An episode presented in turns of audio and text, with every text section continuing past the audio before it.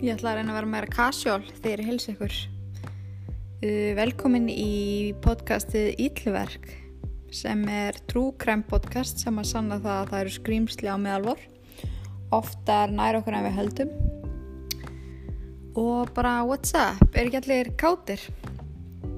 Ég persónulega er sjúklega spennt fyrir þættinum í dag að því að þetta er fyrsti þáttur þar sem ég tek sko ábendingu úr sall en þetta er mál sem að sem, eða, veist, einn af hlustendunum sendi inn og mér fannst þetta bara það góð hugmynd að ég ákvaða að segja ykkur frá þessu. En þetta er mjög mjög fucked up saga og ég er búin að hrista hausinn hvað eftir annað í öllur ísæðstunum mínu.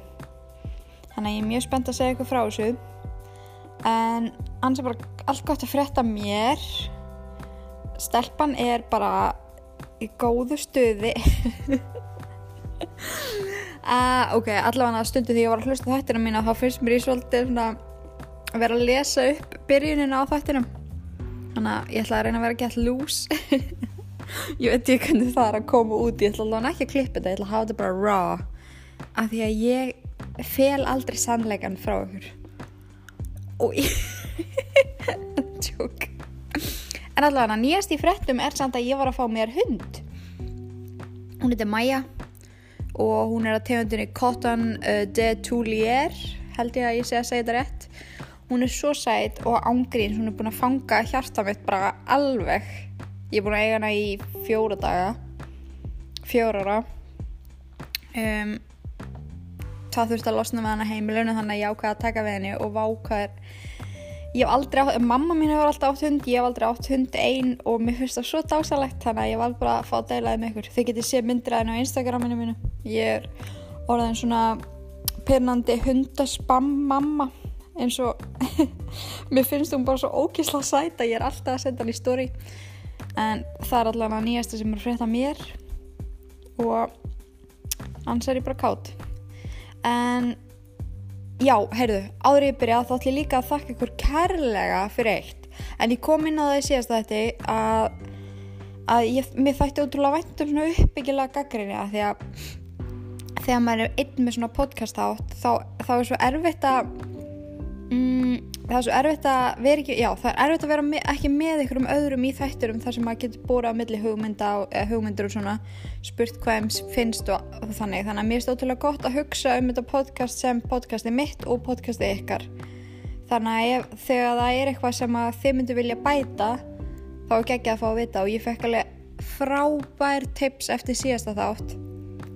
En ég lendi í smá tæknilegum örðuleikum með síðasta þátt og, og hérna, ég held ég sé búin að ná að laga það en bara frábært tipsi ég fekk og mér finnst ég alveg geggjað að fá þetta. Og bara finna hvað ykkur langar að bæta og breyta. Og það sem ykkur finnst nú þegar gott af því að ég er náttúrulega í fyrsta lega að gera hana þátt fyrir ykkur og ég vil að þetta sé úslega skemmtilegt fyrir ykkur og gott í eirað að hlusta fattiði mig. Þannig að mér finnst það bara geggjað og ég vil bara þakka ykkur kellaði fyrir að gefa ykkur tíma í að hérna, gefa mér góð tips. Það hjálpar alveg helling. En nóg komið af röfli ég ætla að skella mér í þátt dagsins og bara gera það svo vel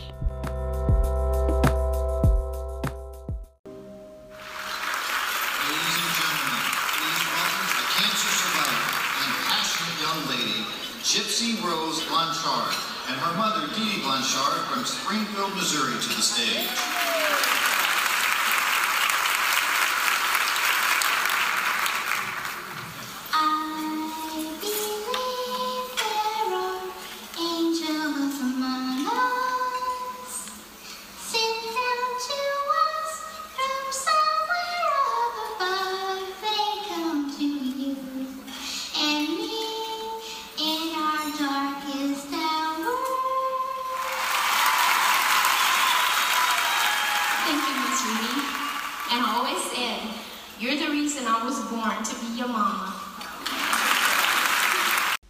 Rétt fyrir minnati þann 14. júni 2015 fann lauruglan í Greene County, Missouri í bandaríkunum líkið af Didi Blancard, 39 ára gamalli. Hún fannst liggjandi á maganum í rúmunu sínu og blóðpöllur umlugt hana. Þótt að þetta hafi verið hræðileg sjón þá olliða mjög miklu áhugjum að dóttirinnar, Gypsy Rose, fannst hvergi í húsinu heldur. En hún var vel þekkt í heimabæð þeirra fyrir það að vera ótrúlega hetja í veikindunum sinum. En hún var að glíma við kvítblæði, asma, alvarlega vöðvarýrnum, flóg og var hún einnig þroska eftir uh, vegna heilaskaða sem hún fekk við fæðingu. Hún hagaði sér því eins og sjöra barð trátt fyrir að vera 24 ára gömul. Hún var í hjólastól því fætunar hennar virkuði ekki og yfirvöld voru mjög hrætt þegar hún hefði, hrættum að hún hefði sérst verið nömin að brott. En ástæðan fyrir því að lauruglan fóru að aðtöga þeim með heimili Didi og Gypsy var út af því að það var sett mjög ógeðslega Facebook skilabóð eða svona Facebook statusar sem að hafðu komið inn fyrir um kvöldið og nákvæmnar sem að þekktu vel til þeirra hafðu mjög mikla ágjörði, fannst þetta mjög skrítið og hafðu samband við yfirvöld. Hjólastótin hennar Gypsy fannst og öll lifin hennar sem að hún gati ekki lifa án svo það var augljóst fyrir lauruglu að hún hefði verið tekin á heimilinu sinu. Didi Blackcard var fætt árið 1967 og uppalinn í Chuck Bay, Louisiana og hétt hún þá Claudine Petre en hún fekk svo gælunafni Didi á úlings áránum sínum. En fóruldra hennar voru þau Claude, Anthony, Petre og Emma Louise Gislar. Hún átti fimm sískinni, þau Claude Jr., Claudiu, Evans, Dorla og Todd. Hún var alltaf lang frekust aðeim öllum og hún hafði öll sískinni sín algjörlega í vasanum. Og í rauninu pappa sinn líka en mamma hennar var svona líkust henni svo þær voru algjörlega eins og svart og hvítt í rauninni á heimilinu og reyfist ótrúlega mikið en hún trompaðist ef að hlutinir fóru ekki eins og hún hafi ímyndað sér og það var ekki mikið af fólki sem að fílaði að vera nálægt henni. En hún þótti svona mjög falleg og strákar gá henni mjög miklu aðdegli en hún í rauninni hrætti á svolítið jafnáðum í burtu. Svolítið eins og ég bara tjók. Um Hún vann sem hjógrunarkonna frá því hún var 22 ára til 24 ára og þá kom tímabild þar sem mammina var lögðinn á deildina sem hún vann á út af einhverjum veikindum og hún fekk þá að taka það svolítið að sér að hugsa um hana.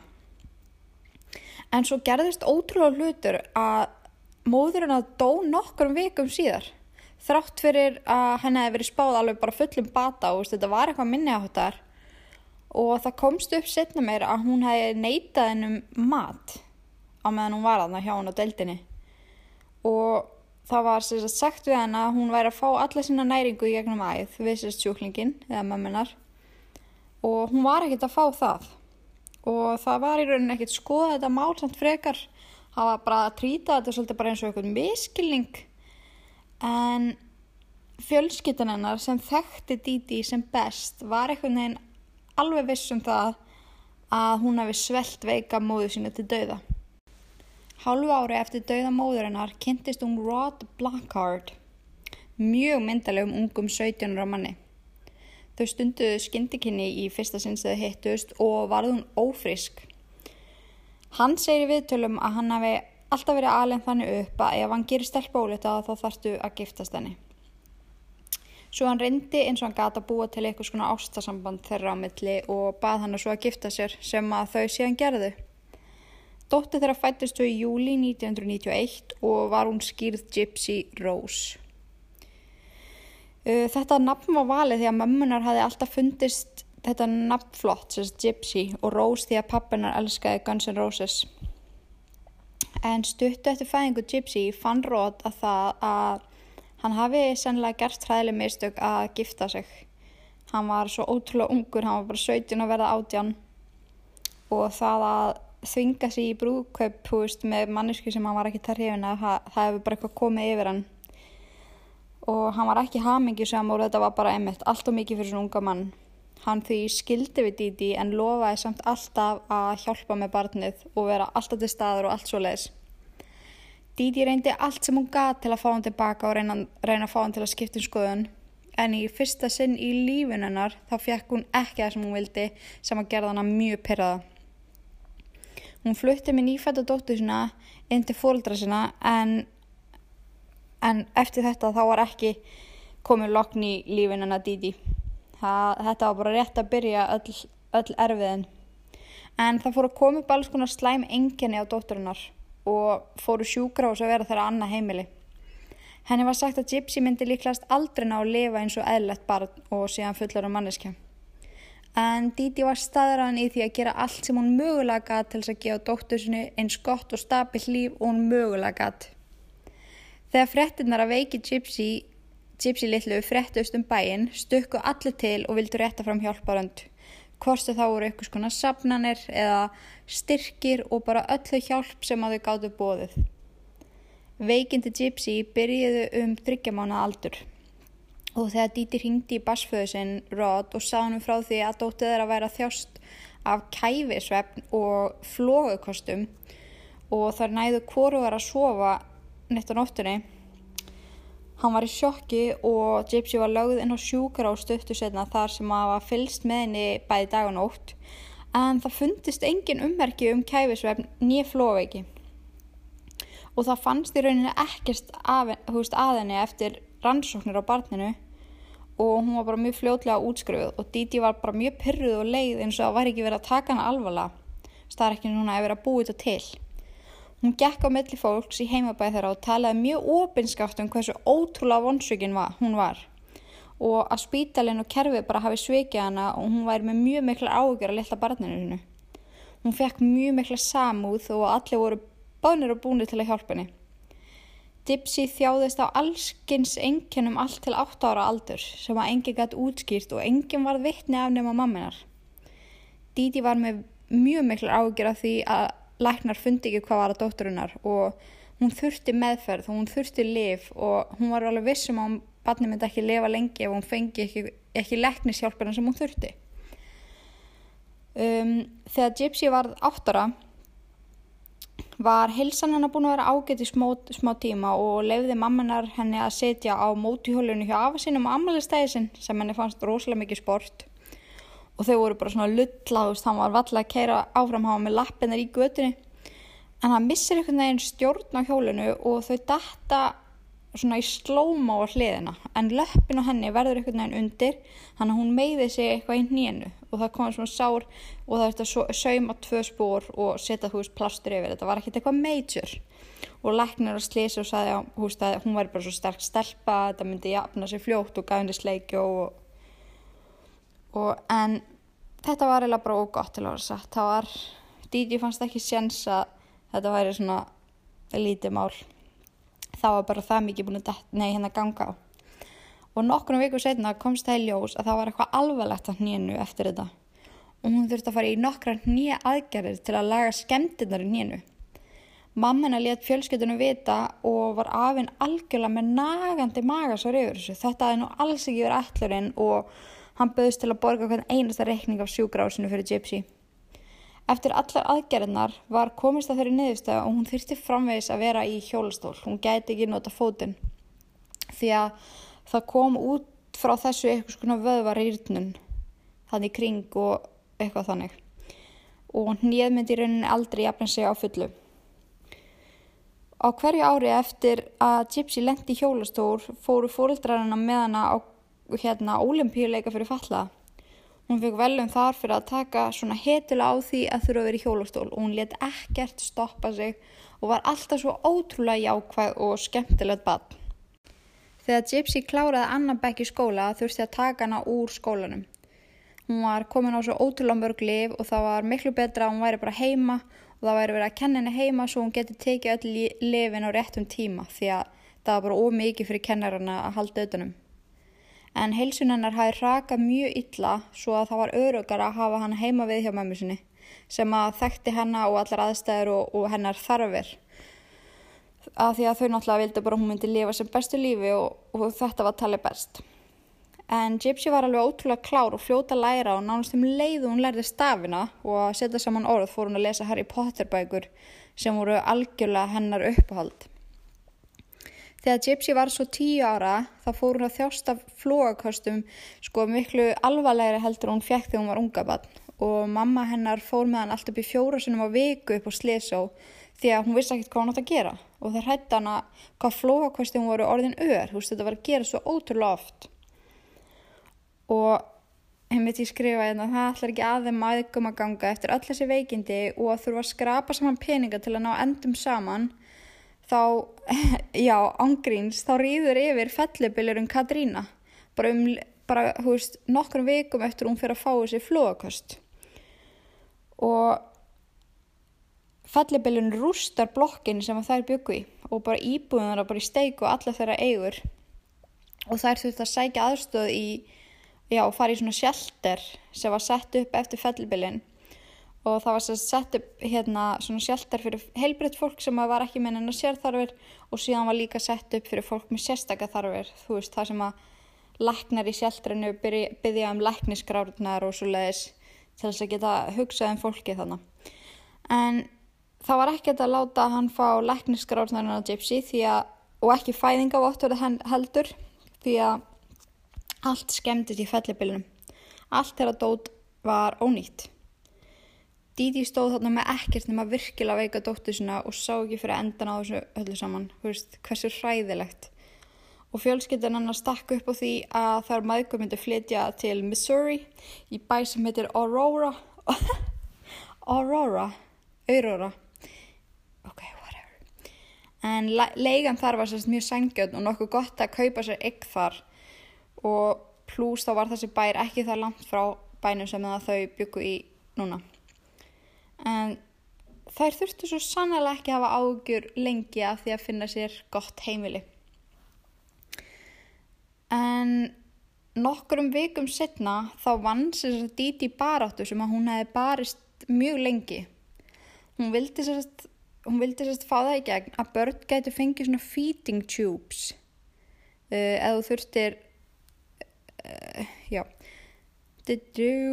en til þess að fá svona feeding tube þá þurftir að hafa eitthvað ákveðin veikindi, þú veist, krabba megin eða eitthvað svona mjög sjálfgeft og hættulegt velenda krabba megin og alls konar þannig. En hún vildi fá það í gegn að börn fengju feeding tubes ef að þau þurfti á því að halda sama hvað þú veist, greiningin ætti ekki að stjórna því.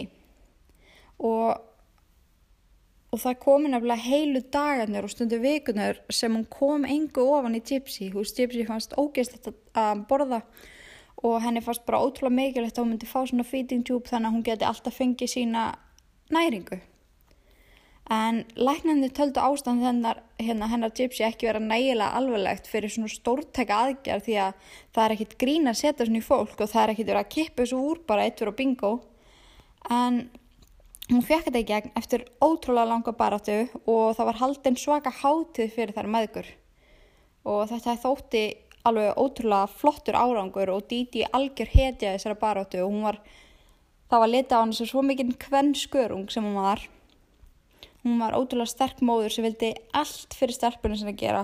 Allt sem hún geti lifað sem bestu lífi og verið eins helbrið og mögulegt er.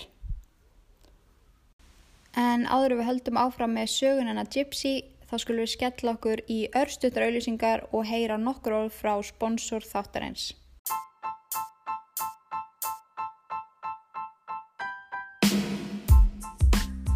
Vissið þú að með kóðanum Inga Kristjáns fær þú 15% afslátt af öllu inn á línbóti.is? Þú getur líka kíkt í heimsókn í nýja glæsela vestlun þeirra að síðumúla átta og fengi góða og fælega aðstóð og ráðleggingar um hvað þið vantar og fengi svo líka 15% afslátt við kassan með kóðanum Inga Kristjáns. Ég, hver er þessi Inga Kristjáns eiginlega? Hágeðavörur og hámars árangur og við elskum það. Línbóti.is, þín markmið, þín grein. Velkomin tilbaka kids en nokkur orð áður við byrjum áttur á sjöunu. Ég mælu svo innilega með því að ég kíkið á vörurnar hjá Línbóti og nýtið ykkur aðstöðinu sem að ég geti fengið í botn. Ég veit eins og marga sem hafa farið inn í fæðubóta veslanir og verið bara já ég ætla bara að kaupa þetta það sem að þessi mældi með sem er þá kannski ekki endilega það sem að þið eru að leita. En, en það er bara svo ótrúlega flott fólk að vinna þannig og með svo ógeðslega mikla reynslu og þegar þú lappar hann út eftir að vera búin að tala eins við þau og fóra aðlengar og líðum, hann pínu eins og maður sé svona fæðuefna pro ángríns en ég er búin að nota vörurnar frá þeim núna í cirka tvö ár. Og fyrst þegar ég lappaði að neinn þá vissi ég ekki neitt. Ég var 80 kíló og mér leið ógæsla í eiginskinni þú veist af því að það er ekkert mikið að vera 80 kíló, ég er ekki að segja það en það er ótrúlega mikið fyrir mig að því að þú veist ég er ótrúlega lítil og smágerð. Og þegar það bæti svona ótrúlega mikið á mig þá verði ég ángriðs bara nöttótt og mér leiði ekki vel og ég fór þarna inn með því hugafæri að mér langaði bara að kýla ekki þetta á þetta. Og þú veist ég var massa tilbúin því að mér leiði bara eins og ég segi ekki vel. Og þetta voru svona auka kíló sem var hröð, þú veist svona stöfluðist á mig bara átrúlega hröðum tíma. Og ég man bara svo vel eftir því að Agnes sem er annar eigandi Leanbody, hún tók á móti mér og hún peppaði mér svo geðveitt, hún seldi mér þrjárvörur sem að ég borgaði alveg fyrir sjálf. Þetta var ekki að þá þótt að þetta sé að í dag en líka bara mitt uppáhald samstarfi rauninni þau hafa gert svo mikið fyrir mig. En ég kefti mig þá Fatburner, BCA og Protein og hún lofaði mér, þú veist, hraðar árangri og ég ætti að vera óslátt duglega að nota vörðnar og svona consistence og hérna halda mig við efnið og ég get ángrín sagt ykkur að með breyttu hugufæri, mataræði og hreyfingu og þessum vörum komst ég í ángríns besta form, æfuminar bara. Þú veist, ég grætti fullt af vöðum og mér á aldrei liði að vel bara eitthvað neginn með formum mitt. Og akkur er ég að segja ykkur þetta? Því að ég veit að það eru ógísla margir að núti sem eru á sama stað og ég var og sjá í rauninni enga leið út og eru bara eitthvað, ég geti þetta ekki að því að ég var alveg þar sko. Ég var alveg bara, já, emitt, ég geti þetta ekki. Ég verð bara alltaf svona, ég hef enga viljastyrk.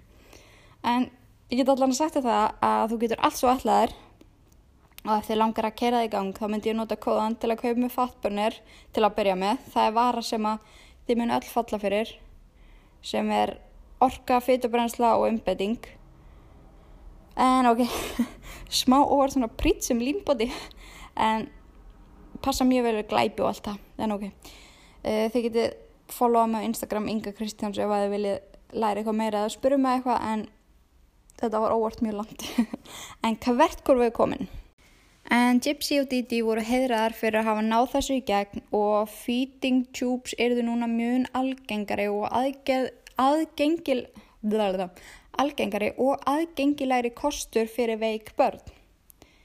Gypsy var góðsinn Child of the Year og voru verlunin ekki að verra endanum. Ég var bara what the fuck þegar ég lasi þetta. En samtökin Habitat for Humanity tóku sér saman og byggðu hús í Springfield fyrir, fyrir meðgurnars. Bara geðveitt fallett hús og það var bleikt á letin og það var hannað með tilliti til þess að Gypsy var í hjólastól og þær fengu einnig stóran heitabott fyrir Gypsy til að mýkja upp sáru uh, veðvana. Og hérna, einmitt, bara holdt og gott fyrir veðvana. Og frettinnar um einstaf móður sem var með fallega dóttu sína og misti allt í fellibilnum Katrínu, fóru svo eldur um senu og fólk svona flyktist að til að hjálpa þeim. Það var sendað peninga og född og mat og allt sem bara var hægt að hjálpa með. Og það var mér þess að stúlka sem var alveg virkilega veik, hún var alveg virkilega fölluð, bæði hreyfi hömluð og fölluð sendi Gypsy svona can poppers. Ég ángrís finn ekki íslenska orði yfir þetta en þetta er svona dútin sem að þú gerir svona þú ert að opna kók, fattiði mig? Litla hann að gaurinn sem að maður alltaf maður ástingja rauri í gegnum en enginn fatta tilgangin oh my god, ég veit ekki hvernig ég útskrita litla stykki og góðstrykkjum já, whatever, þið fatti potti kauða við. En þetta var svo stelpa sem var búin að sapna svona í nýja ár og þetta var bara ruggla mikið. Og didu, en hún var sérst hún sérst sendi Gypsy þetta en þetta var eitthvað sem hún var búin að sapna til þess að borga fyrir læknisreikninga sem hún og mammanar voru bara að díla við. En hún, já, sendi Gypsy og var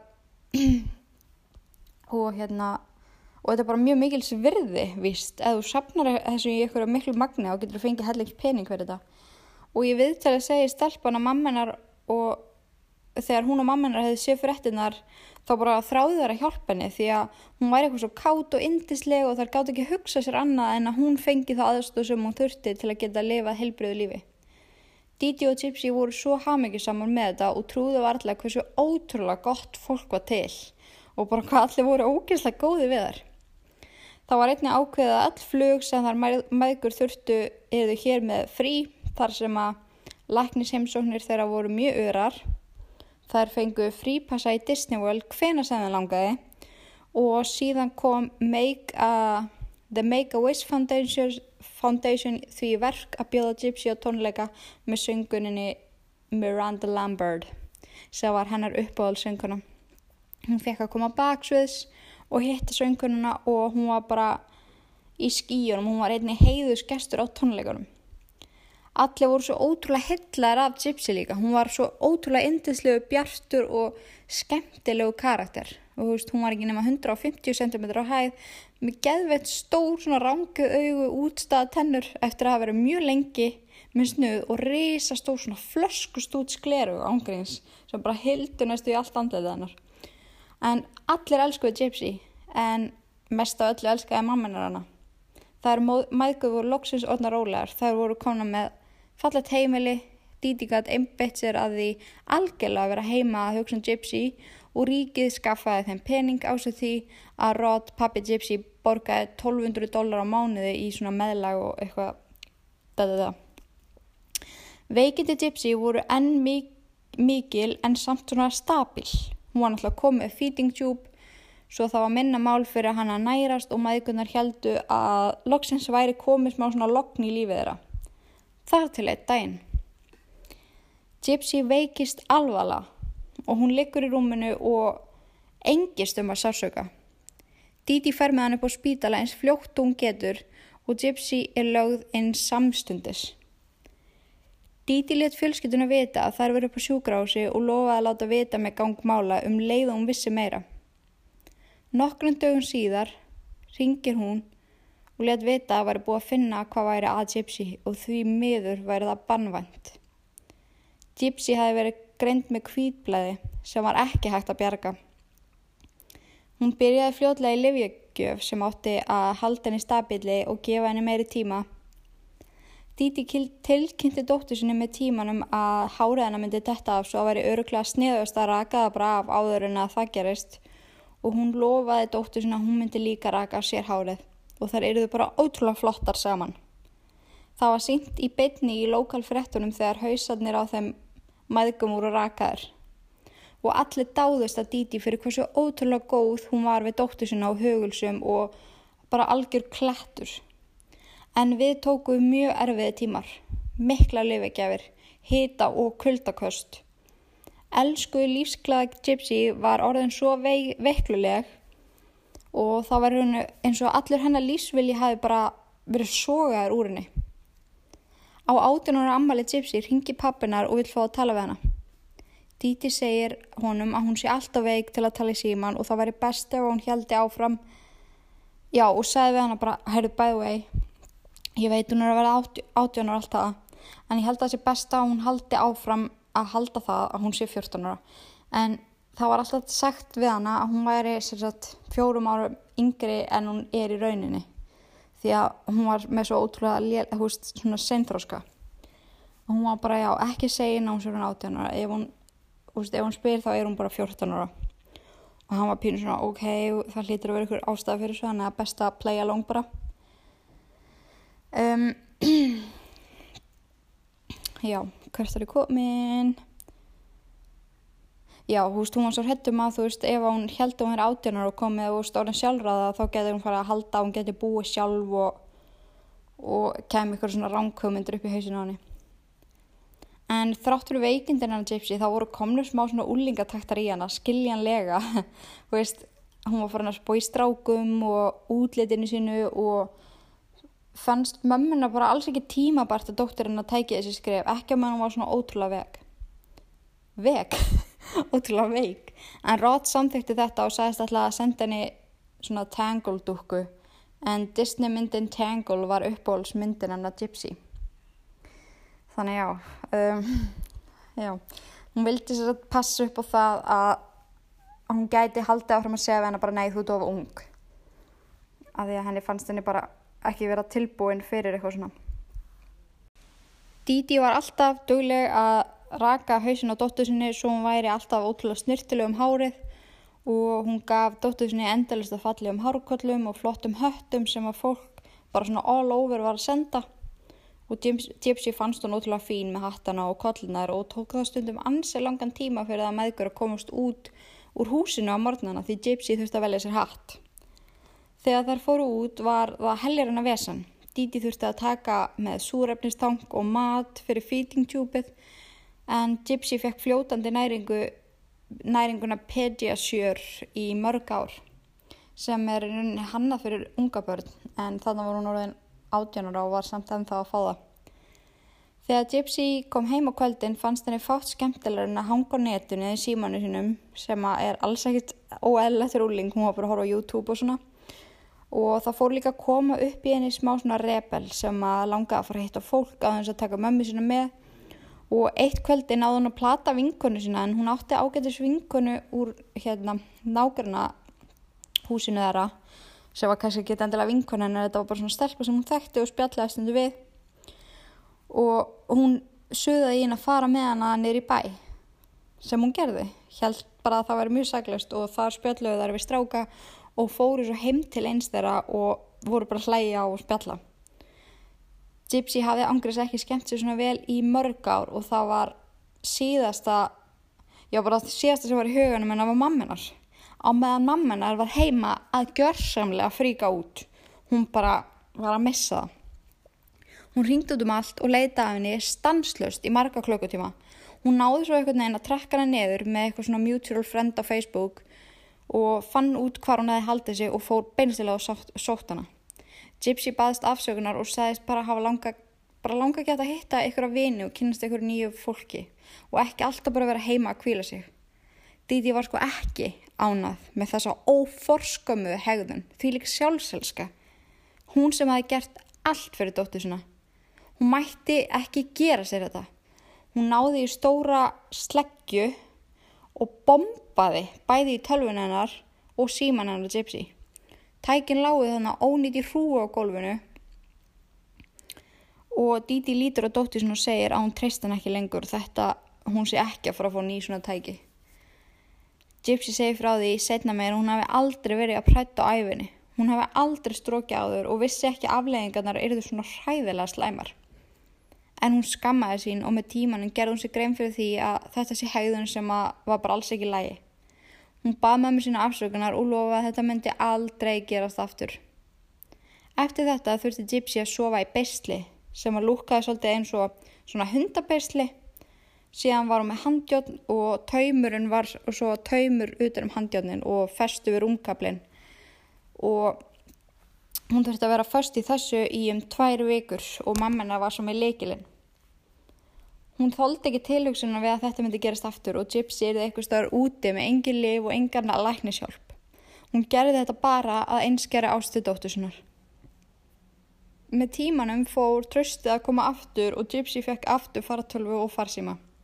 Henni leittist svo óstjórnlega að, án þess að hluta uh, því að hún gætt takmarka að leiki sér við dúkkurna sínar komin á þennan aldur veist, hún var svolítið fingu bara til að leika sem hún var alveg bara lalalala en var bara eitthvað vákvæði skrítið. En eitt kvöldi þegar Didi var sopnuð fór Gypsy að googla veist, dating uh, boyfriend or girlfriend og datt sérst inn á hún datesíðu fyrir svona Christians eða fyrir þá sem að voru svona auka kristintrúar og stelpa sem var komin að tvítis aldur mér persónulega finnst mjög eðlilegt að hún sé orðin svolítið forvitin út í lífið og stráka þú veist þrátt fyrir það að hún sé með þroskaskerðing og föllun þú veist þá verða krakkar alveg úlingar en hún hafði þessa miklu forvitni eins og allar úlingstúlkur úlingstúlkur upplefa og hún fletti í gegnum síðana og var ansið spennt henni fannst þetta geðvett spennandi. Og hún var komin á eitthvað svona vettvang sem hún hefði aldrei prófað áður og henni fannst hún vera svona smá rebel. Þar sem að svo bara held hún áfram að skröli gegn og skoða og sjá svo prófæli og strák sem að fanga aðtöklennar sem hann fannst mjög sætur. En hann hétt Nicholas Gorogion og þar stór Looking for that only one for me. Hún sendi hann skilabóð algjörlega vissum að myndi ekki svara. Skilabóðin hljómiði svona. Mér líður mjög vandralega uh, með að senda þetta. Þetta er í fyrsta sinn sem að ég er á svona online dating síðu og mér dætt í hug að það getur verið skemmtilegt. Kynast nýju fólki og mögulega finna ástina. Áður og Nikolas svarar henni tilbaka og sendir Gypsy líka. Ef ég gæti, þá myndi ég fara á date með þér. Lýsingin af þér er mjög lík mér. Hehe, lol. Þá svarar Nick. Ég væri blessaður og guði ef ég fengi að fara á stefnumót með fegurðardís eins og þér. Þú ert svo falleg og ég finn að þú ert líka fallegur og tær personleiki. Spjalli þeirra verður daglegt og mjög ört. Þau verða ástöngin af hvort öðru. Gypsy hafði aldrei upplegað neitt svona áður, svo hún hafði enga reynsla að því og vissi í rauninni ekkert hvernig ást væri. En hún vissi að hún var spennt og henni fannst hún öðlast auki sjálfstæði í fyrsta sinni í lífinu. Þau byggu til Facebook aðganga sem voru bara fyrir þeirra samskipti. Þar postuðu þau alls konar romantískum statusum um hvort annað eins og eitt frá Gypsy þar sem hún skrifar. Er skrítið að hugsa um brúðkaup áður um að trúlóast? Hehe, lol. Nikola svarar. Nei, elskan. Þá veistu bara að þú ert ástfangin af öllu hjarta. Gypsy náði algjörlega fela samband sitt við Nikolas frá mömmu sinni. Hún gæti ekki hugsa sér að hræða mömmu sína svona aftur eins og hún hefði gert og hún ætlaði að haga sér vel og vera góð stelpa og láta þetta ekki taka yfir sig og láta þetta vera bara svona algjörlega hennar hobby. Og hún talaði bara við hann eftir að mammina var sopnuð. En ok, hugsa um þetta aðeins núna. Við skulum aðeins renna yfir allt sem ég er búin að vera að segja ykkur. Gypsy er í hjólastól. Hún er þroskaeft. Hún er fölluð. Hún er með kvítblæði. Hún er með flóveiki. Hún er með asma. Hún er með vöðvarýrtnun og hún er á því stíi að hún er aldrei að fara að lifa nætt lengi. Hún er döfuna. Lifin sem hún tekur teljast í tögum og Gypsy var bara virkilega, virkilega veik. En þegar hún talaði við Nikolas leiðinni vel, hún fann ekki fyrir neinu. Sérstaklega eftir hún hætti að taka lifin sín fyrir svefnin. Lifin sem að hjálpuði hann að sofa. Hún stakk þeim undir tunguna og hendi þeim svo þannig að mammenar hjælt hún hefði tekið hana. En þegar hún tók þetta ekki þá fann hún ekki fyrir þessari sifju. Hún var einhvern veginn full af orku og hamingju á nóttunni. Á nóttunni þá stóð hún upp úr hjólastólunum, gekk að speklinum inn í herbygginu sinu og hún dansaði um herbyggið. Hún pröfaði hárköllur, málaði sig og tók selfies sem hún sendi síðan á Nikolas. En það sem enginn vissi var að Gypsy var búin að dansa hljóðlega um herbyggið sitt í mörg ár. Hún hafði svo lengi sem hún myndi geta staðið upp úr hjólastólunum. En hún mátti ekki segja henni það. Mammina sagði henni að ef hún væri mikið að ganga myndi það koma niður á henni í miklum verkjum yfir daginn og þess vegna var hún alltaf í hjólastól. En þrátt fyrir það sem mamminar hefði sagt þá fann Gypsy aldrei fyrir sársöka þegar hún gekk þótt hún stæði inn í herbygginu sínum tímanu saman. Hún skildi þetta ekki. Af hverju þurft hún að vera í hjólastól? Af hverju þurft hún þessi sveplif og bara öll þessi lifi yfir höfuð þegar hann er leið í rauninni? Bara mjög vel. Hvað myndið þið hugsa núna ef að ég segði ykkur að Gypsy væri algjörlega með fullkomna helsu? Það var ekki daginni. Hún var ekki 18 ára, hún var 24 ára. Hún var ekki þroskaeft, hún var ekki á neittna hótt fölluð. Meldingin hennar var í fullkomnu lægi, svo þessum feeding tube var tilgangslöst. Flóaveikin var aukaverkun að livjum. Asminn kom að livjum sem hún þurfti ekki og síðan ekki síst, síðast en ekki síst. Gypsy var ekki með kvítblæði. Ha? Hvernig? What? Tökum smá moment og hlustum á viðtali við þar maðgur á meðan við meldum þessar upplýsingar. Hafið það í huga að þeir hlustuð að það er ekkert að Gypsy. Hún er með 100% helsu. Það eina sem finnst að henni læknisfræðilega er hún með latt auga. Allt annað er fullkomlega í lægi. remember my mom had gave me this little glass house and she said, this one day this will be real.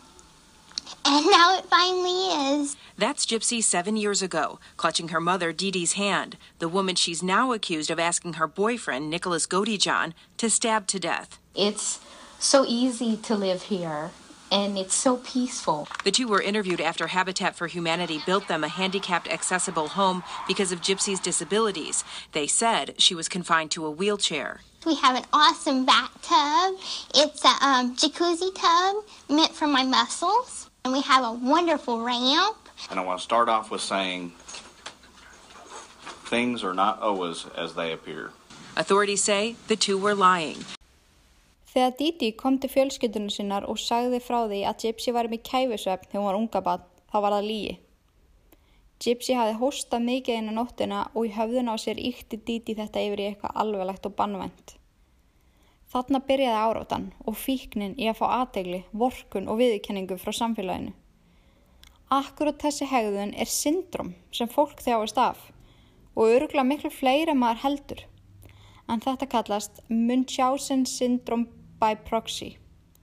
Það sem fólk gerir að, sem að þjáist af þessum, uh, þessu syndromi er að búa til veikindar enginni hjá börnunum sinum, íkja þau og gefa til dæmis börnum róandi og fara búið slísu og segja að það hafi liðið yfir þau og alls konar þannig. Þau íkja enginnin og búa til enginni.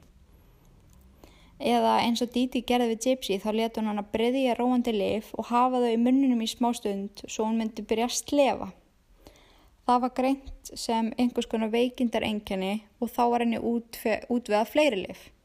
Sú lif hafði svo önnur enginni sem að, fóru, sem að þær fóru og fengu önnur lif við og svona gekk þetta bara árum saman. Hún fekk bara lif við aukaverkjunum lifja og lif við aukaverkjunum lifja, hú veist. Þannig að þetta var bara eitt stór vítarhingur. Þegar Díti var heiðruð til, uh, til að fá í gegn svona feeding tubes sem er op sem er gert í magan á fólk sem getur ekki næst á vennilegan hátt. Þá þurftu að skipta með þetta reglulega sem er virkilega sásökafullt. Það var ekkert að meldinguninnar og það er ekki til neina skrár um að einhver hafi amað að. Mammana hjælti fram við lækna og fagfólk að, fagfólk að, að Gypsy hafi neitað að borða og væri ekki búin að gera það í mjög langan tíma og þetta væri eina lausnin til að fá hana til að nærast eðlilega. Það er ótrúlegt ánæg fengið þetta í gegn. Það er ótrúlegt að öll þessi gögn sem eru til að hún hafi fengið þetta allt í gegn. Það er ótrúlegt. Öll þessi lið sem hún var að fá, sem hún þurfti ekki, öllu því að tennunar hennar dutt allar úr henni. Vöðva sjúkdómurinn sem hún fjekk eftir mótuhjólasleisið og allar aðgerðnar var ekki til staðar. Það var ekkert að vöðvunum hennar. Hún gætt gengið allan hennan tíma. Hún var fyrstu 24 árin að lífi sinu í hjólastól. Sem hún þurfti ekki. Hún stóði upp og þó skammaði mammanar hana. Barði hana með herðatrjóm og hótaði að brjóta á henni puttana með hamri. Gypsy þorði ekki að segja neitt. Einu sem hún gerði var að hlýða mömmu sinni. Henni fannst ekki neitt vera að sér nema eftir, eftir livjatöku. Hún fekk hræðileg frákvarsenginni og þá var hún látin fyrir róandi og verkastillandi lif sem gerði hann að dopna. Flóakostin komi bara út af öðrum lifjum sem voru í rauninni bara svona aukaverkanir af öðrum lifjum. Og þráttur það að vera ekki með flóaveiki þá var hún samt á flóa lifjum. Kvítblæði var líka uppspunni fyrir á grunni. Gypsy var búin að vera virkilega veik út af livjanótkun og frákarsenginum frá livjum og leitt heilsa hennar bara alls ekki vel út. Þá kom upp sagan í hausnum á Díti og hún var með kvítblæði. Hún rakaði henni hárið, sagði henni að það væri hvort sem er að fara dætt af. Hún let líka raka af sér hárið og það var myndað í sjóarpinu og fekk Díti mjög mikið hól fyrir að standa svona þjættu dótturina. Hún var ekki þróskaðeft eða fölluð. Díti notaði dóttur sína fyrir peninga og aðtegli. Það var gefið þeim hellingapenningum og styrkjum, frýtt hús og bíl, flugferðir, flugmiða og alls konar skemmtiferðir og bara ótrúlega mikið að dóti sem að hún þáði frýtt í dótturina var svo skjálfilega veik. Það er magnað að hugsa til þess að það er bókstæla ekki það henni líkamlega. Gypsy var meðvitið um það allan tíman og hún getið gengið og það væri ekkert að. Hún stóð oft upp og mamma hennar og ef mamma hennar sá til hennar hóta hún öllu ídlu. Ef að læknarnir sem Didi fóð til fyrir veikindi dóttusinnar svöruði henn ekki eins og hún vildi, þá skipt hún bara um lækni. Hún hætti ekki fyrir en hún var búin að fá lefið eða aðgerðina sem hún vildi fyrir Gypsy.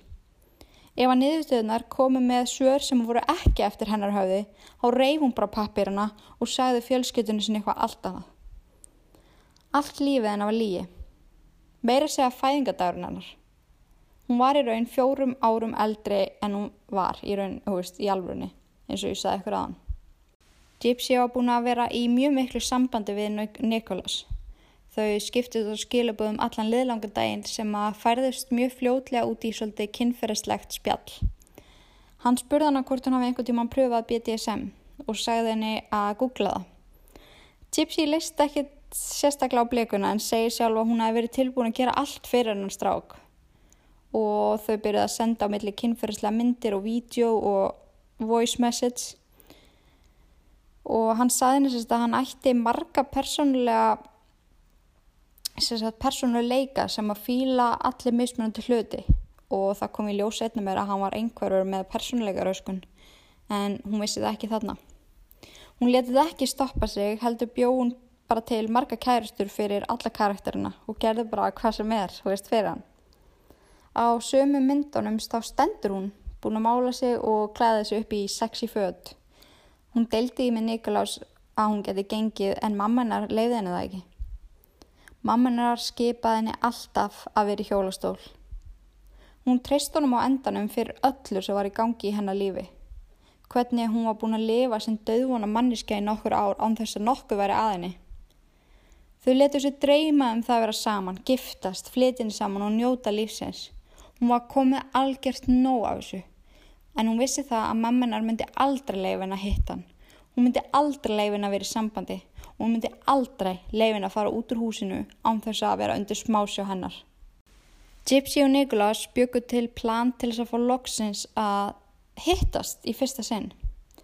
Hún og mammanar voru að fara í bíó, bíó á öskubusku næstkomandi förstudag en þarna var þriðidagur. Nikolas ætlaði að koma í bíóið og hilsa þeim og þykjast vera bara svona mega fan og ekki að þekka það neitt. Föstu daginu rann í garð og Gypsy var orðin mjög spennt. Hún og mammanar fóru í bíóhúsið og þar gengur á mótið maður og hilsar. Hann segist það að fylgst með sögunni þeirra og þær séu algjörar fyrirmyndir. Gypsy þakkar honum fyrir og tekur utanum hann. Þegar þau eru í faðmlögum þá kvíslar hún í eira á honum. Meet me in the bathroom in 40 minutes. Mammanar hafði orðaði að henni finnist þetta nú eitthvað skrítið en áhengi. Aðleitn á stelpumynd. Gypsy hugsa með sér að það sé reynda mjög góðu punktur og hún hafi ekki hugsað út í hversu ótrúlega skrítið það var þegar hún var að búið til þetta plan. En eftir 40 myndur segir Gypsy að hún þurfa að fara á klóstið og rúlar út upp í ásalunum í hjólartólu sínum. Klætti prinsessukjól með kvíta síða hárkvöldu og kórunu. Nikolas var nú þegar komin fram á gang og þau fóru saman inn á klósetið fyrir fatlaða. Þau stunduði mjög harkalegt og áðbeldist fullt kynlíf. Gypsy man alveg sérstaklega vel eftir þar sem þetta var fyrsta skiptið hennar. Þau fóru svo bara aftur inn í sal og kláruði myndina. Gypsy var þarna vissar en nokkru sinu fyrir að hún væri búin að finna ástina í lífinu sinu. Hún ætlaði að gera allt til þess að vera með honum og sama áttu við um Nikolas. Hann taldi sig elska Gypsy með öllu hjarta og þau fór að dreyma enn meira um framtíð þeirra saman. Þegar maðgurna komu heim eftir bíóið fór Gypsy að spyrja mömmu sín út í framtíðina. Segja henni hvað henni langaði og spurði enn og aftur af hverju hún gæti ekki sleft hjólastólum. Mamminar reddist mjög snögglega. Þú skilur þetta ekki. Ég er búin að leggja líf mitt undir þig, gera allt fyrir þig, svo þú getur lifað eins góður lífi og mögulegt er. Þú ert búin að eigðilegja lífið mitt. Ég vildi óska að ég hefði farið í fósturauðingu. Þú ert fucking óþólandi. Hún gargaði þetta fram henni í dóttu sinna og Gypsy sárnaði mjög mikið. Hún saði ekki orð. Hún fóð bara henni í herbyggi og skellta eftir sér. Hún var svo reið. Henni leiði svo misnótuð. Og henni fannst bara eitthvað verulega skríti í gangi. Hún sendi á Nikolas. I want to do it, 100%. Þau hafði sérst rætt eitt ákveðið nokkrum dögum áður og það var að framkoma plan B. Plan B var að drepa Didi og hlaupast á brott saman. Það hafði samt aldrei orðin eitt meira úr því heldur en að nefna þetta einu sinni og þau rættuða í rauninni ekkit meira. En Gypsy var komið svo mikið nóg af mömmu sinni og lífinu sínu að hún þráði ekkert meira en að losna, sama hvað það kostiði. Plani var að Nikolas kæmi með strætu daginn eftir. Gypsy ætlaði að skilja eftir framdyr á hurðuna að opna og hanska fyrir auðan, svo hann kæmist auðvöldlega inn. Hún myndi fela sinna á baðherbyggi þegar verkinu í lokið, nei á meðan, verkin, húst, á meðan hann var að þessu og þegar verkinu í lokið myndi þau stinga af saman. Kvöldi örlarika rannu upp og mamma Gypsy kemur inn í herbyggi til hennar og byggst afsökunar á því hvernig hún hafi komið fram með hennar. Þær tóku utan um hver aðra. Gypsy hugsaði ekki úti hvað var að fara að gerast. Það var eitthvað svo fjarlægt. Þar sátu í rúminennar og naglalokkuðu hver aðra með skerbleiku naglalaki. Upp úr ellu bauð Didi góða nótt og þær fóru að sofa. Einum og hálfum klukkutíma síðar fekk Gypsy SMS frá Nicholas um að hún þurfti að get your ass into the bathroom. Hún svaraði honum, sir, yes sir. Hún fer henn og bað leggst á grúfi, leggst, já, leggst á grúfi og heldur fast fyrir eirun. Hún vildi ekki heyra hvað var að fara að gerast. Hann tekur upp hanskana og laumast inn og fyrir beinstöðleið inn í söfnherbyggi til Didi. Hann ræðist á hana og stingur hana aftur og aftur í bakið en hún lág á maganum. Henni bráfist mjög mikið og, og, og öskraði bara, húst, hver er þarna? Þegar hún áttaði sig á því hvað var að gerast, þá kallaði hann á Gypsy. Hún kallaði ofta á hana sex, uh, sexinum kalla hún Gypsy, Gypsy. Þangu til að allt var hljótt. Gypsy var svo hrætt en hún var ennþá hrættari þegar Nikolás segi við hana að hann hafi alltaf dreymt um að sója líki. Hún er dætt í hug hvort það væri sniðut fyrir hann að nöðka mömmunar fyrst hún væri að hana Gypsy líkaði mjög illa við þá tilhjóksun og hún gráðbaði hann frekar um að nöðka sér sem hann fjálst á að gera Þau stunduðu því mjög harkalegt og ofbeldisfullt kynlíf. Svolítið svipaðu að þau gert áður. Gypsy var öll maran eftir kynlífið með bitfur á hálsunum. Þau gistu í húsinu yfir nóttina með líki af díti í næstu herbyggi. Dæin eftir pakkuðu nýfunum, neitt nýpnum sem var notaður til að stinga díti og hönskonum og öllu sparifinu sem Gypsy vissi að díti átti inn, inn í brunt umslag og sendu heim til Nikolas. Þau ætlaði að vera komið þanga í tækatíð áður en pakkin skilaði sér. Þau tókuðu mótelherbyggja á leigu þar sem þau gistu í tvær nætur. Þau eittu tíma sínum þar í að stunda kynlíf og sofa og borða. Þau ágöðu síðan að fara heim til fóröldar Nikolás og vera þar í smá tíma. Reyna að sapna pening og ákvæða hvað ætla að gera næst. Plana framtíðana sína saman sem þau voru svo ótrúlega spennt fyrir. Þau, samt, þau hafa samt alltaf ágjörði að þau verði bestu. Það var alltaf svona baka eiraðum og þau fóru svona hugsa leið til þess að reyna að kofera hvað þau hefðu gert.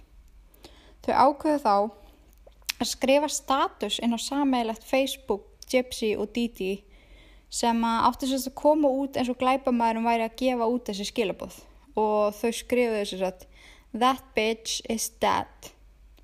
Og það kom hellingur á kommentu frá fólki sem voru bara í algjör sjokki yfir sem ógisla orðum og, og bara kommenta bara hvað hva er í gangi? Og og þau kommenta svo aftur uh, sem glæp, veist, eins og glæbamæðurinn I fucking slashed that fat pig and raped her sweet innocent daughter.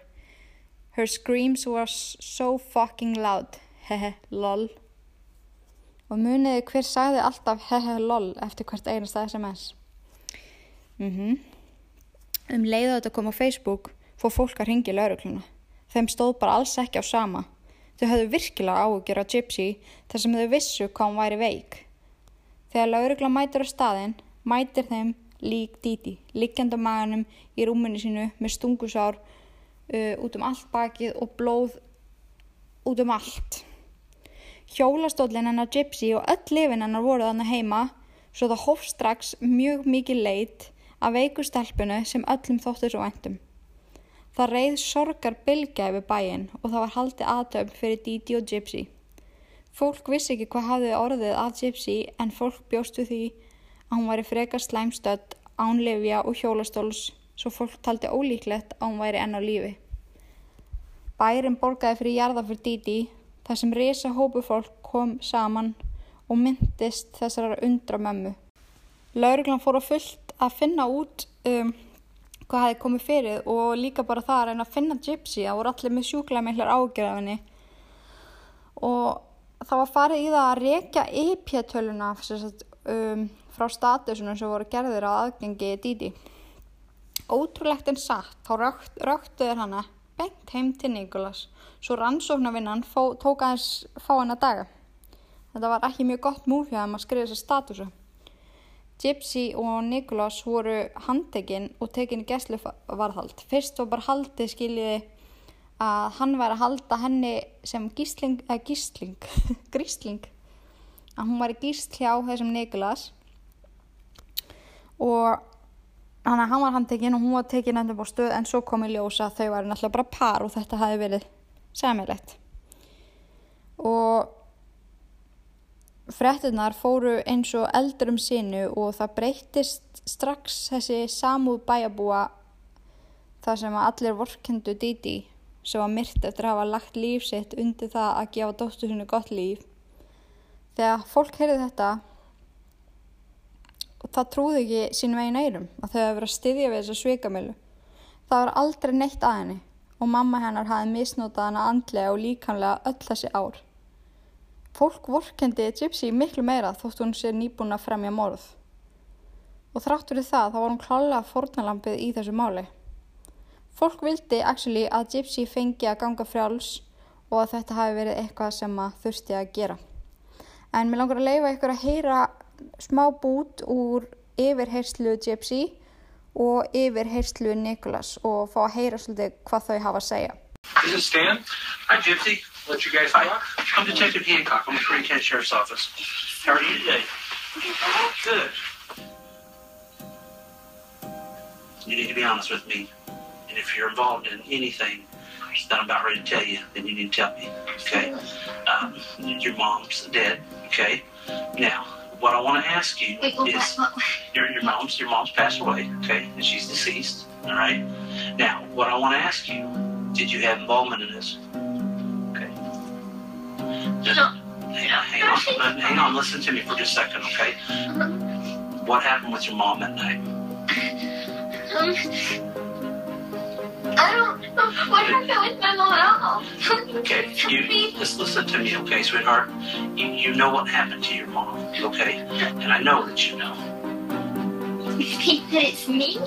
Why would you think that it's me? I have always loved my mom. My mom and I are best Listen, friends. listen to me. Please don't do yourself in this hole, and that's what you're doing. I really love my mom. I know you do. I know you, sweetheart. I know you love your mom. I have no doubt that you love your mom. But why did Nick hurt her? Now's the time to be truthful, sweetheart. No more lies. Did you kill your mom? no, no, sir. Did you help Nicholas kill your mom? The truth is, okay, I'll admit it. I did actually stab her. I will admit it. I know. Okay. I, the only reason I did it is because I did it for me and her. That's the real reason I did it. I would have never did it if it was not for me and her. Okay. So I know that he loves me and he would do anything for me and to be with me. Did Gypsy know that you were going to kill her mother? Um, honestly, she asked me to. Í Missouri gilda þau lög að ef framið er morð er dómurinn annarkvort dauðadómur eða lífstér fangelsisdómur. Það var fljótlega tilkynnt að það væri bara ekki hægt að dæma svona þungt. Aðstæður Gypsy væri bara það óvinnilegar og rosalegar að það var í raun hægt að leiðrétta en nefnist réttlæta hvað hún gerði upp á vissu marki. Eftir að það hafi verið farið yfir allar sjúkarskárusnar hennar, livjanótkun og fleira, komust hérna prosecutors og jurors og allir að þeirri niðurstöðu að það væri sniðast fyrir hana að játa sekt sína og fá dóm upp á tíu ár fyrir second degree murder sem hún gerði. og það magnaði er að henni hafði aldrei liðið að vela eftir hún komin í fangilsið. Hún þyngdist um 6 kíla en hún hafði verið mjög grönn eftir alla þessa meðferð. Hún fekk loksins almennilega mat og hún fekk að reyfa sig og hún segir að hún hafi, var, hún, hún segir bara, ég var miklu frjálsari í fangilsi heldur en nokkuð tíman með mömmu minni. Kærastinn hennar fekk lífstíðadóm pluss 25 ár fyrir að vera, þú veist, sá sem framdimorðið og hann játaði líka allir í sög og sagðist það var gert þetta því að hann væri bara blindur og ast og það var auðvitað komið upp að hann var með einhverfu og persónleikaröskun en það var ekki tekið tillit til, þess nema það var látið hann bara fá ykkur svona mental aðstöðu í fangelsið. Þannig að þú veist eftir að það var fundið út hvað gerðist þá leið mjög stuttu tími þangu til að þau bara voru sett inn og dæmt en þetta var bara alls ekkert neikvægt skref fyrir Gypsy. Hún bara sambandi við pappunar og stjúpmömmu var bara miklu betra því að hún fekk bara að lifa sem eðlileg manniska og þótt að hún sé ekki ána með það sem hún gerði veist, eins og hún segir, ég ætla að lefa ykkur að heyra smá viðtal við hana sem hún fer í hjá Dr. Phil, mér finnst svolítið gott við, hérna viðtal en hún, er, hún segir bara að ég er auðvitað ekki veist, sátt með það sem ég gerði veist, ég sé alveg eftir því og auðvitað átt hún að geta skilja að deyja en ég er sátt með að vera lausur þessum aðstæðum og það að vera frálsari í fangelsi heldur en í heimilir sinni og mammin sinni það segir meirinn þúsund orð. En Gypsy gekk bara í gegnum helviti og henni fannst bara að fangelsi alltaf vera betri kosturinn. Og persónulega finnst mér líka bara jákvæmt fyrir hana kannski að fara í fangelsi í mjög tíma og fá svona utanumhald en tíu ár eru úrlega svolítið mikið. En mér finnst mjög líklegt að hún fái aðeins léttari dóm En mér langar ótrúlega einmitt að leifa ykkur að heyra núna smá klippu þegar Dr. Phil tala við hana og hún segir bara svona í svörtu kvítu hvernig henni líður. There's a point at which you got put in a wheelchair Mm-hmm. and you were seven years old, correct? Yes, sir. Why did she tell you you were going in the wheelchair? I did get into a motorcycle accident with my grandfather, Uh-huh. and it skinned my knee. And she took me to the hospital and then told me that um, the doctor gave her a wheelchair, and I have to be in a wheelchair now Forever. forever. She had me use a walker before the wheelchair, and then after that motorcycle accident, put in the wheelchair. Why did she tell you you had to be on a walker? She said that I had muscular dystrophy. But did you feel any different the day before you got the walker than the day you did have the walker? No, sir. You were able to run around. Pretty much, yes. And would you forget to get it and run into the kitchen? There would be times that I'd forget to grab it and then go to walk. And then my mom would catch me and be like, use your walker. I, I questioned Dee Dee about it, and I'm like, she can walk or not? You know, she's been in a wheelchair all her life. And, you know, the answer I got from Dee Dee was, you know, she had a disease she was diagnosed with, and it was going to progressively get worse, and eventually she was going to be bound to the wheelchair at all time. Did she tell you when you went out that you were to stay in the wheelchair? Yes, sir, she would. But you knew you could walk. Yes, sir. Did you ever say to her, Mother, I can walk. Why am I in this wheelchair? No, sir, I never asked that. When she wasn't around, did you get up and walk secretly? I did, yes, sir. Did she ever catch you walking? She did a couple times. And what did she say or do? She got so upset with me, she would punish me so bad. Like, she started hitting me with a coat hanger and telling me all kinds of mean things. She would tell me that she wished she had an abortion when she had the chance, that I ruined her life, that I have no idea how hard it is to keep up everything she built. Did you understand that you being sick was necessary to keep up what she built? Because you got a, a house from Habitat for Humanity, you got donations, you got different things from people for being sick. hmm So that was a source of income for her, right? It was, yes. And I had no idea that I was a part of that. You didn't know that you were a cash cow. No. Dee Dee got a house from Habitat for Humanity. They would have free trips here and there, free flights. She was getting some money from a couple of celebrities. Their life was full of free stuff, I guess, fun stuff. The Blanchard scammed many different charities and lied to many different charities across the U.S., including churches and support groups. Dee Dee Blanchard was exaggerating her daughter's medical condition for financial gain. You were diagnosed with epilepsy about this time as well, right? Yes, sir. And so they started giving you Tegretol, Mm-hmm. and it caused your teeth to crumble. Yes, sir. Did you know what was happening at the time? No, I really didn't. I just didn't understand why my teeth were falling out. I had to have them extracted. I just knew I was losing teeth.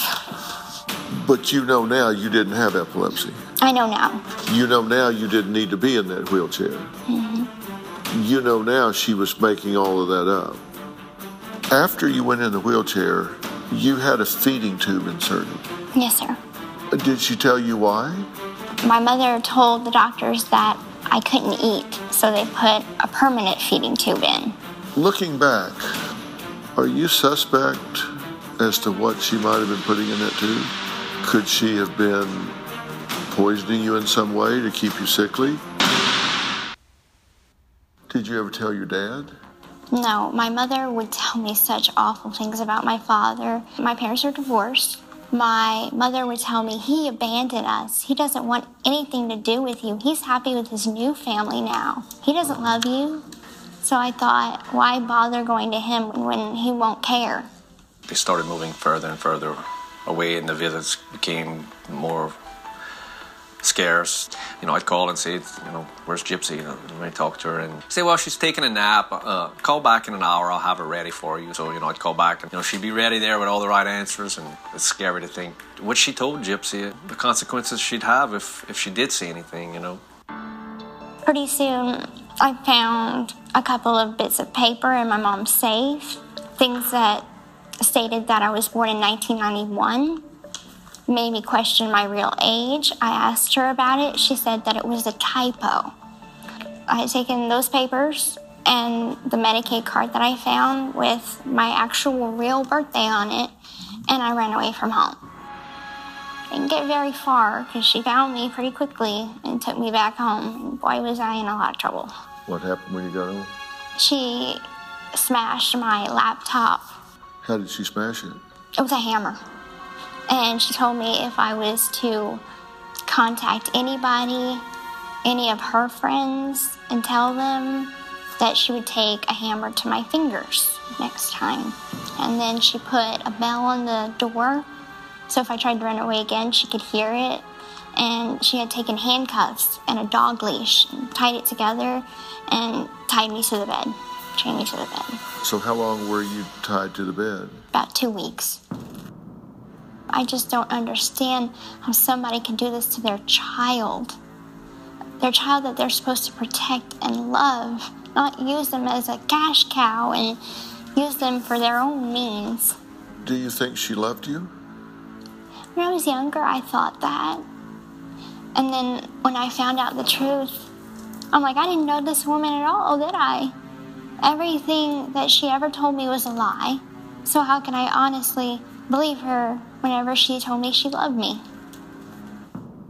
She kept you in a wheelchair. She kept you on a feeding tube. She had you diagnosed with asthma, hypoventilation, epilepsy, hearing and vision impairment, GI reflux, muscular dystrophy, quadriplegia, mild mental retardation, as she called it, anemia, allergies, leukemia, incontinence, lung disease, heart disease, heart murmur, all of these things.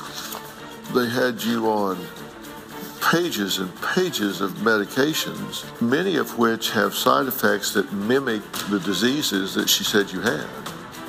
You were being set up. Right. Why would she do that to you? I don't know. Dee Dee. We had some books we found in the house, you know, uh, Leukemia for Dummies and, you know, different books like that. So she did her research. She knew the terminology. She knew how to make Gypsy appear to have certain symptoms by giving her certain medications, you know. She, uh, she was pretty slick. What does that cause you to feel when you realize how viciously exploitive this woman was with you. When I first found out, I was so angry and hurt. And it's like, I trusted her so much to do everything that she told me to do, be her good little girl like she wanted me to be. And every time I'd mess up, I'd always ever say, Next time I'll do better, next time I'll do better. Don't get angry with me. And it just hurts because every time she told me that she loved me, that she was trying to protect me, now that I know, the only person I need protection from is her. And I want to know what was so wrong that I did to her for her to do that to me. Because I don't understand. Dee Dee Blanchard suffered from what most people refer to as severe Munchausen syndrome by proxy, also known as factitious disorder imposed on another, and kept Gypsy a prisoner her whole life by convincing her that she was victimized by a series of debilitating diseases. All she wanted was to be free. I think Gypsy had her mom killed so she could finally live the life that she wanted. She just had enough and snapped. This is a tragic, tragic event surrounded by mystery and public deception. Had a feeding tube inserted. Yes, sir. Looking back, are you suspect as to what she might have been putting in that tube? It does pique my curiosity because I don't know all the names of the medications that I was on. Could she have been poisoning you in some way to keep you sickly? Could she have been over medicating you to keep you weak? It's a possibility. When you went to see doctors, did she tell you what to say? Did she tell you what not to say? She told me that I couldn't speak during a doctor's appointment, that it would just solely be her. She would tell me, you know, sit in the wheelchair, play with your Barbie dolls, and let me talk and don't interrupt. And this continued on even into my 20s. My mother told the doctors that I was mentally incompetent. Therefore, they thought, you know, she won't know what she's talking about. She's got the mind of like a, a child. Uh huh. So, did she tell you that you were intellectually challenged? Yes, sir. Tell me what she said to you about that. How did she explain that to you? She would always use the medical term for everything that was wrong, that I had microcephaly, which is small head, that my brain didn't develop right, and I'll never mature past a six year old's level, mental level. Did you ever say to her, There's nothing wrong with me? No. You saw a doctor in New Orleans that did a muscle biopsy on you to check for muscular dystrophy. Mm-hmm. Now, a muscle biopsy for muscular dystrophy is a very painful procedure. I still have the scar. Yeah, they, they strip muscle from your thigh, right? hmm Did you ever know what the results were? No, sir. What do you know now about that? It came back normal. And she knew that. I think that she did know that. If a doctor wouldn't give her the results that she wanted or say what she wanted them to say, she would switch to a different doctor. I want to talk about the night of the murder. Tell me in your own words what happened that night. Well, really, um, my mother and I had got into an argument two days before, and it was about my feeding tube. I'm like, I no longer need this feeding tube. Can we please have it removed? And she said no. And I had an upcoming surgery, and I didn't want to have it, so I asked her, please tell the doctor I don't need this surgery. I've had it 20 times before. Why do we have to have it again? And she's like, There's nothing I can do about it. The doctor wants it. And so I became very numb to plan B. And I talked to Nick. He had me talk to Victor, who initially was the one that was going to do the murder.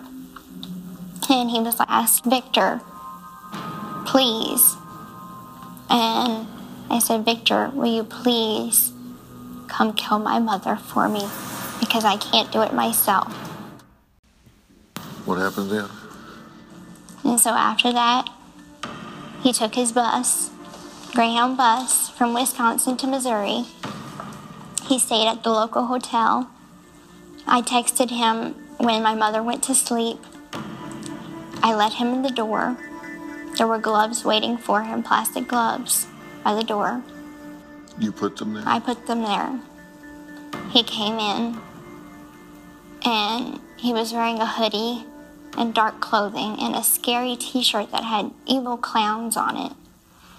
And I handed him the knife and he said, Get your ass in the bathroom now. And I went in the bathroom, closed the door behind me, and kind of got down in a kneeling position and put my hands over my ears so I couldn't hear anything.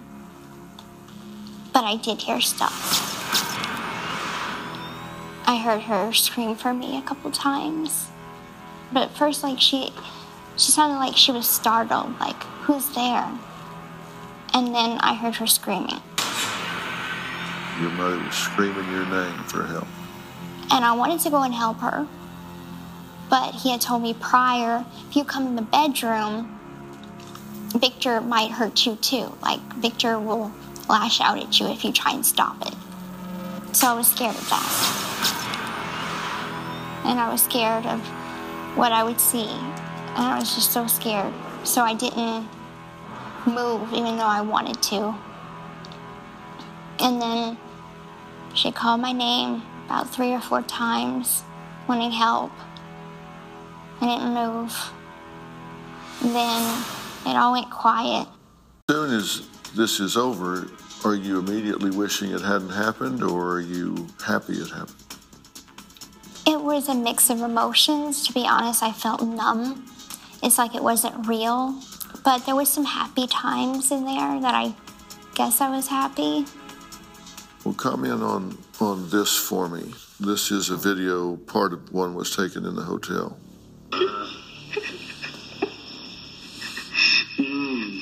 Hi, honey. I'm feeling it.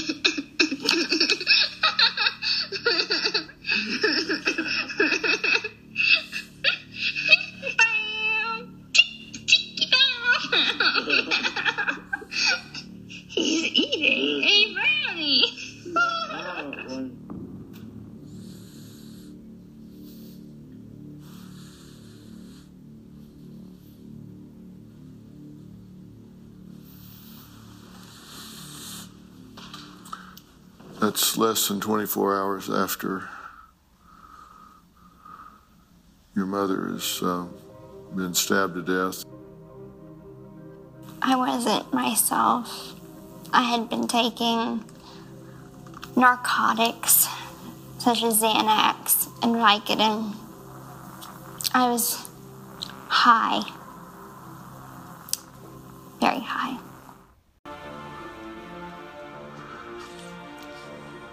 Tell me what you're thinking right now.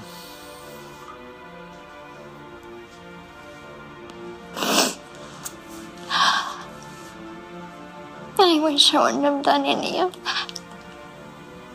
It's hard to see pictures of that house and the memory. And pictures of her in the wheelchair.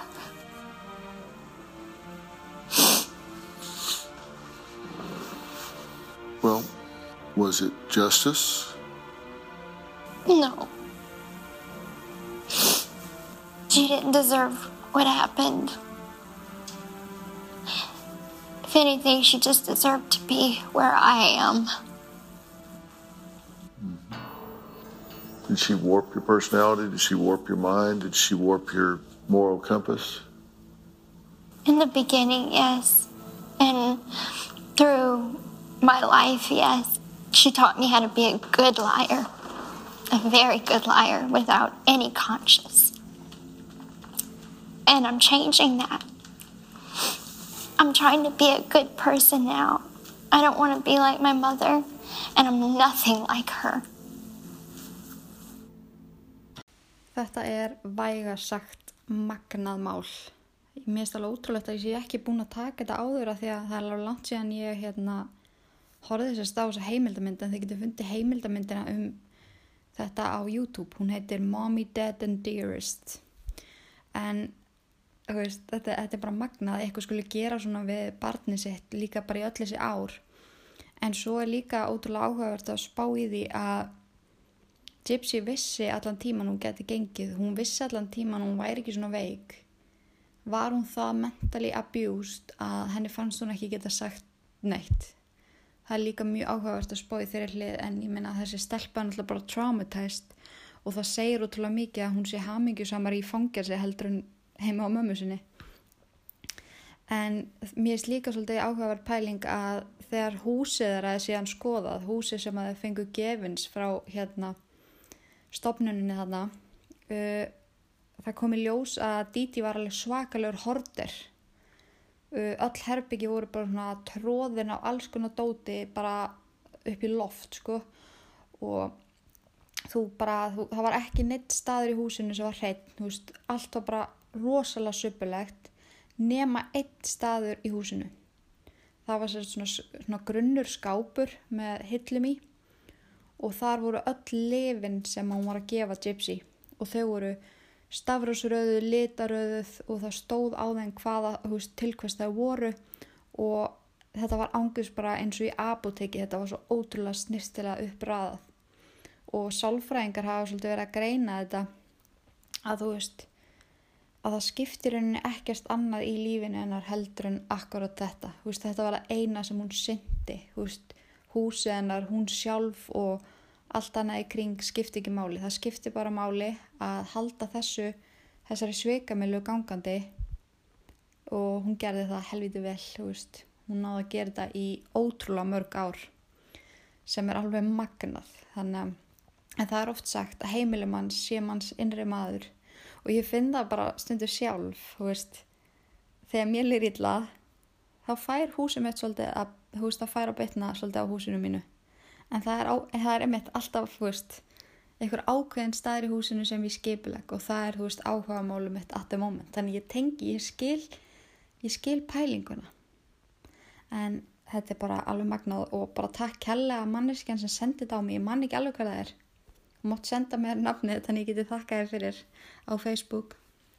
En þetta var málið um Gypsy Rose og mömmu hennar Didi. Hú, þetta var alveg magnað en ég ætla að segja þetta gott í dag. Ég vona að þið hafið haft gaman að þessu. Þetta var mjög áhugavert. Og þanga til næst þá ætlum ég bara að beða ykkur um að forðast öll ílverk nema sjálfsögðu þetta podcast. Verið sæl